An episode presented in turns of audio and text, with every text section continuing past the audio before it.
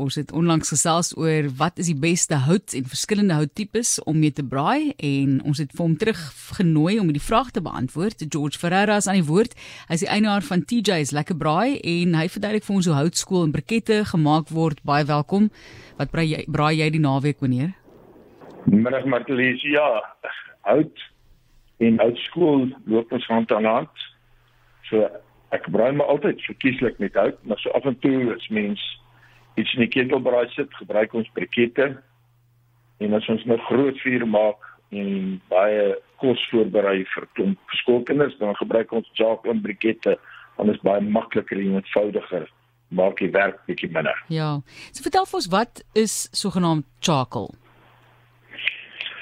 Charcoal is hout wat wat mens brand onder 'n spesifieke toestand. Wanneer jy charcoal vervaardig, gebruik jy meestal hout wat nie geskik is vir goeie braaivleishout nie. So jy kan dunner hout gebruik wat nie groot dik stukke is nie, nog steeds goeie kwaliteit charcoal van dit vervaardig. Die geheim met charcoal is wanneer jy charcoal brand, uh, is dit 'n proses waar jy eintlik die suurstof baie baie beperk in die verbrandingsproses. So dit is 'n baie stadige proses om dit eenvoudig vir luisteraars te verduidelik, as jy dis amper soos 'n groot staal drom, een kant is hy oop, dis die onderkant en bo het 'n 30 by 30 cm gat in. Jy pak die hout op 'n hoop, jy keer die staaldrom bo oor dat die groot gat bo oop is en dan steek jy die hout aan die brand. Jy maak onder op die grond drie klein ingangetjies dat beperkte hoeveelheid suurstof kan ingaan in die drom in om die vuur suurstof te gee dat hy wel suurstof kry om te brand en hy rook bo by die groot gat van 30 cm by 30 cm uit. Om 'n idee te gee, gemiddelde drom is so 1.8 meter in deursnee. En hy staan so 1.7 1.8 meter hoog van die grond af. Hierdie proses vat gewoonlik so 24 tot 48 uur. Pak wel hout op in die proses en stadig brand hierdie hout, maar hy smeul eintlik die vuur. So die vuur maak heeltyd 'n blou rook.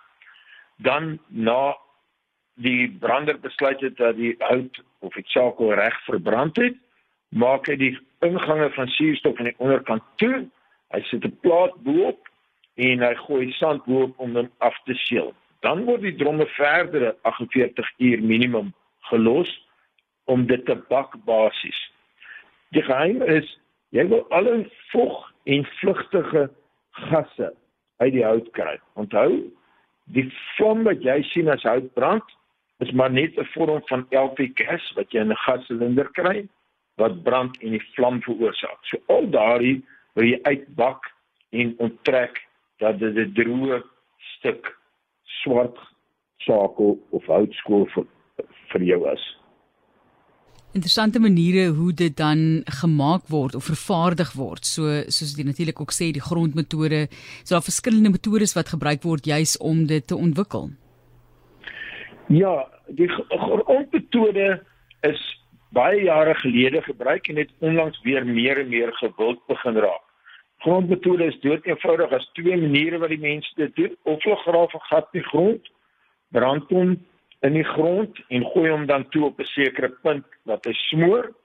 Dit gee nie so goeie uh, kwaliteit uh, uitskool nie. Die ander metode is hulle pak fisies 'n hoop hout op die grond, baie baie groot hoop hout. Hulle bedek dit met grond en veral eintlik 'n kleilaag en hierin steek hom ook aan en maak klein gaatjies in die klei dat die hoop staan en smeel. Dit kan 3, 4 dae lank wees dan seël jy gate af. Die hout bak nog 'n sekere tyd verder en dan as hulle seker is alles is dood binnekant om onthou, as jy hom te gou oopmaak en hy's warm, dis dieselfde met al die metodes, dan kry jy 'n klomp suurstof en as hierdie houtskool warm is, gaan hy spontaan die brand slaan en jou hele oop houtskool gaan uitbrand, jy gaan niks hê om te bemark nie. Die ander metode is die kiele metode, die staaldrom metode wat ek reeds verduidelik het. En dan dan is daar die wat ons noem die retort metode. Dis die metode waar jy geen vlam bo op die hout brand nie. So jy gaan nooit as op die hout sien nie want jy gebruik die een pot se vlugtige uh gasse om die ander pot meer warm te maak en jy bak letterlik die proses.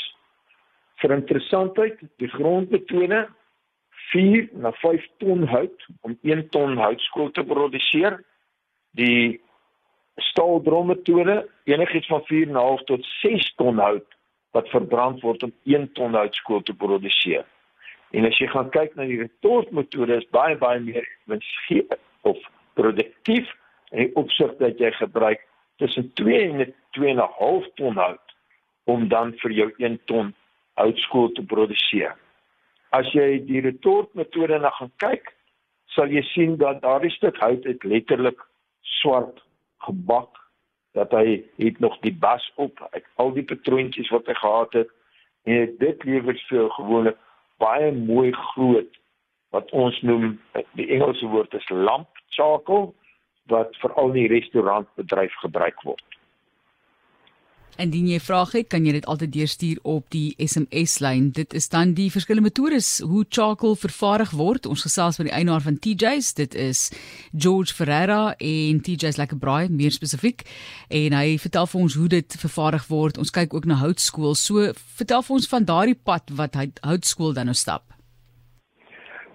As jy klaar die houtskool produseer, is een van die belangrikste goed is om heel eers vir die aan die produsent se kant om seker te maak dat hierdie houtskool totaal afkoel. Hulle noem dit Engelse woord ek, ek ken nie die Afrikaanse woord nie, is 'n weathering. Jy moet hom 7 dae laat lê want jy wil nie hy moet op die brand aan die brand slaan van self nie. Die gevaar is as hy gelaai word en daar's nog een enkele koeltjie op 'n vragmotor en verskeep word na Suid-Afrika en oor 1200 1500 km en die wind van voorkom onder die seil in en as een koeltjie brand het totale trok uit. So dit is baie belangrik om die hout skoon eers te laat lê dat jy seker is hy is 100% afgekoel. Dan word hy opgetel as hy in die drommetode is of die kilo metode, dan word hy opgetel wat ons noem oor 'n kykensif of baie fyn sif om alle sand en as te verwyder. Hierdie houtskool word dan in balksakke verpak en verskeep na die naaste uh, aanleg wat verwerking doen. By die aanleg word hierdie houtskool gesif. Die standaard in die mark is dat alle houtskool wat kleiner as 20 by 20 cm uh, millimeter is, anders die deure gat vol van 20 by 20 is nie geskik vir die mark nie Alles groter as 20 by 20 word dan ook verpak en as houtskool verkoop. Die wat kleiner is as die 20 by 20 word herverwerk. En dit is waar die bekende brikette vandaan kom. Hulle word fyn gemaal en die ideale grootte is tussen 1 en maksimum 3 mm. Brikette word vervaardig dis van 'n afvalproduk van houtskool maar is 'n spesifieke proses wat ons gebruik.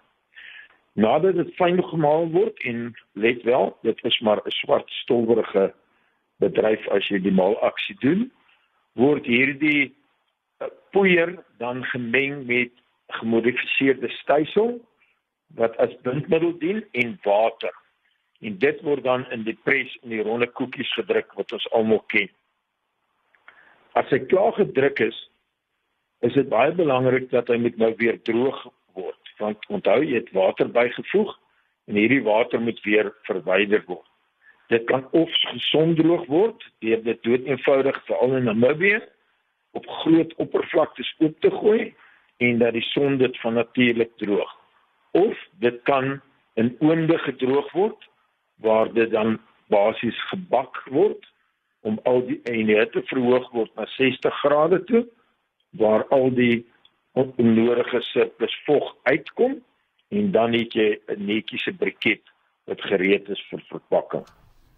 Dit is baie interessant en veral dat dit definitief eers heeltemal moet afkoel. Dit is so so interessant. Brikette is ook 'n interessante proses. Ek dink mense wonder altyd daaroor en wonder oor die gesondheid ook daarvan in die gebruik. Brikette daar is word stysel gebruik. So mense kry baie mense wat sê nee, ek hou nie van brikette nie want die reuk van briket, nou die reuk wat jy kry by 'n briket se verbranding is maar omdat dit mieliemeel is wat gebrand word en dit gee vir jou daai gebrande reuk. Baie belangrik wat mense moet besef is dat jy op geen stadium in enigiets van hierdie prosesse het jy charcoal of met briket veral steenkool kan gebruik nie. Die vraag word baie gereeld vir ons gevra maar hoeveel steenkool voeg jy by om hom 'n lang brandperiode te gee? Steenkool is 'n fossiel brandstof wat onder die grond uitkom en op geen manier geskik is vir die direkte gebruik van gaarmaak van kos nie. Hy slegs geskik vir indirekte gebruik en daarom moet hy altyd binne 'n stoof of dis meer aangewend word waar kos in 'n gaar gemaak word. Jy kan nie vleis braai op steenkool nie. Dis kan jy ook nie steenkool gebruik in die vervaardiging van brikette en dit fynstof inmeng nie. Dit is nie gesond en uiters gevaarlik vir enige gebruiker.